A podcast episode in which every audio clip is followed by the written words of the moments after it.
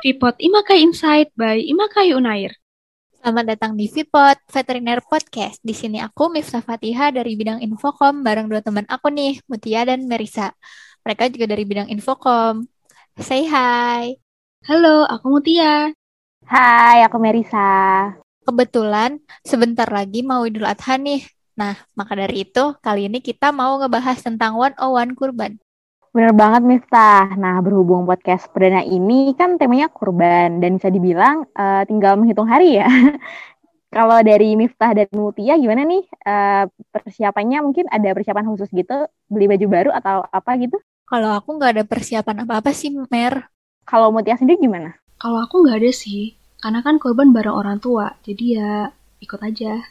Oke, okay. uh, eh, beda ya berarti kalau sama Idul Fitri gitu kan biasanya persiapannya erat kaitannya kan sama beli baju baru atau apa pun itu. Nah kalau Idul Adha ini identik sama hewan kurban. Nah ngomongin hewan kurban nih nggak lengkap ya kalau kita nggak bahas soal gimana sih cara pilih hewan kurban. Oke, okay, di sini aku mau share info dari Dinas Kesehatan Hewan Provinsi Jawa Tengah seputar cara pilih hewan kurban sesuai dengan syariat Islam dan tentunya sesuai dengan perundang-undangan di Indonesia tentunya. Nah, pertama hewan kurban itu yang pasti harus sehat ya. Nah, dengan ciri-ciri uh, bulu bersih, mengkilat, gemuk, uh, lincah, nafsu makan baik, suhu badan hewannya normal atau sekitar 37 derajat Celcius dan tidak kurus. Yang kedua, pilih hewan kurban yang tidak cacat seperti seperti tidak buta, tidak pincang, dan apabila berjenis kelamin jantan, hewannya itu tidak dikastrasi atau dikebiri. Nah, untuk yang ketiga, pilih hewan kurban yang sudah cukup umur. Misal kalau kambing atau domba umurnya itu harus lebih dari satu tahun yang ditandai dengan tumbuh sepasang gigi tetap. Kemudian untuk sapi atau kerbau umurnya tuh lebih dari dua tahun yang ditandai dengan tumbuhnya sepasang gigi tetap. Selain itu, di Sinakeswan juga menghimbau sebaiknya masyarakat mengorbankan hewan berjenis kelamin jantan. Soalnya, hewan berjenis kelamin betina itu dibutuhkan keberadaannya untuk menjamin populasi penyuplai kebutuhan daging. Nah, itu tadi guys info seputar pemilihan hewan kurban. Tapi aku baru tahu sih kalau misalnya hewan jantan yang ingin dikorbankan itu tidak boleh dikastrasi. Nah, bener banget. Semoga info tadi bisa bermanfaat ya buat teman-teman semua yang ikut mendengarkan. Oh iya, Idul Adha besok masih PPKM gak sih? Masih mood, apalagi kemarin aku denger-dengar berita kalau PPKM mau diperpanjang sampai akhir Juli. Wah, tapi kita tetap gak bisa sih ninggalin kegiatan penyembelian hewan kurban, apalagi di daerah yang gak punya rumah potong hewan. Ah iya bener banget, di daerahku tuh RPH jarang ditemuin sih. Nah itu dia, kemarin itu aku sempat cari sih tentang ini di Google. Nah ternyata Direktorat Jenderal Peternakan dan Kesehatan Hewan yang dari Kementan itu, itu udah jelasin tentang ini gitu di akun YouTube-nya. Boleh kali ya aku jelasin ini, biar temen-temen di rumah juga bisa tahu nih. Boleh? Ah iya boleh-boleh. Oke, aku rangkum aja kali ya.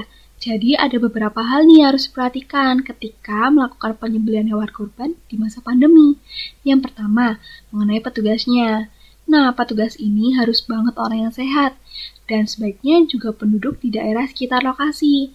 Kenapa? Karena ini untuk mengurangi transmisi dari virus itu sendiri dan juga kan masa PPKM nih. Jadinya perjalanan itu dibatasi semua ya kan? Untuk orang yang rentan terpapar COVID, misalnya lansia, itu tidak dianjurkan ya jadi petugas. Karena kegiatan ini di masa pandemi, jadinya petugas juga harus taat terhadap protokol kesehatan. Nah, prokesnya seperti apa? Yang pertama, wajib memakai masker. Maskernya ini harus benar-benar menutupi daerah hidung dan mulut. Jadi tidak ada celah. Untuk mengantisipasi celah ini, itu bisa menggunakan penjepit masker atau namanya fitter. Terus kalau misalnya menggunakan masker medis, itu bisa membuat simpul di tali maskernya. Atau juga menggunakan double masker. Yang kedua, itu wajib tetap menjaga jarak. Nah, cara agar jarak yang tetap terjaga, bisa jumlahnya itu jangan terlalu banyak petugasnya. Dan yang terakhir, sebelum menyembelih nih, setiap petugas wajib dicek suhunya dan mencuci tangan menggunakan sabun ataupun hand sanitizer. Nah, yang kedua itu lokasi penyembeliannya. Jadi lokasinya itu harus mendapatkan izin dari dinas terkait dan juga wilayah penyembeliannya itu sebaiknya dibagi menjadi dua area, yaitu area kotor dan area bersih. Nah, di dalam area kotor itu ada tempat penerimaan hewan. Jadi, hewan yang baru datang atau misalnya belum disembelih nih, itu ditempatkan di situ. Terus pastinya ada tempat penyembelihan, pengulitan, sama penanganan dari limbah hasil proses penyembelihan. Lalu di area besi itu ada tempat penanganan daging dan jeroan. Nah, di sana itu daging dan jeroan itu dipotong-potong, terus dipilah sebelum akhirnya bisa dibagikan. Tuh.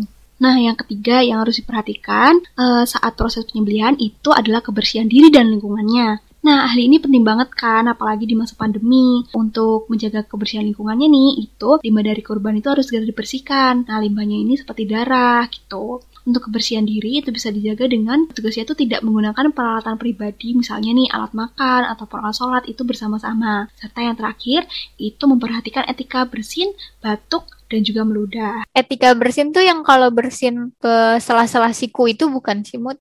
Yes, benar banget Miftah. Jadi sebaiknya ketika bersin atau batuk itu ditutup menggunakan siku, bukan menggunakan tangan. Nah, yang terakhir nih harus diperhatikan yaitu saat pendistribusian dari daging kurban. Nah, sebaiknya petugas yang mengantarkan daging ke rumah-rumah penduduk secara langsung. Kenapa? Karena kan biasanya sebelum pandemi ini itu orang-orang kan yang datang ke rumah penyembelihan. Nah, itu bisa bisa menyebabkan kerumunan. Nah, untuk mencegah adanya kerumunan, jadinya petugas yang sebaiknya mengantarkan ke rumah-rumah penduduk. Nah, gitu deh. Jadinya itu beberapa hal yang harus diperhatikan ketika menyembelih hewan kurban di masa pandemi. Nah, kalian kan tadi udah dapet nih cara memilih hewan kurban, terus juga cara menyembelih di masa pandemik gini. Tapi terkadang tuh kalian tuh males gitu buat ngolah langsung daging yang telah kalian dapet ini. Nah, aku punya tipsnya supaya daging kalian itu bisa awet lama. Jadi sebenarnya nih, kalau kalian nyimpen dagingnya dengan benar, daging tuh bisa tetap berkualitas juga nggak ada penumbuhan bakteri. Nah, caranya yaitu dengan membekukan daging tersebut dengan minimal suhu minus 18 derajat Celcius. Suhunya harus banget minimal minus 18 derajat Celcius, nggak boleh lebih. Karena suhu di atas itu dapat menyebabkan bakteri tumbuh pada daging. Cara yang harus dilakukan sebelum membekukan daging itu yang pertama harus dipotong-potong dulu.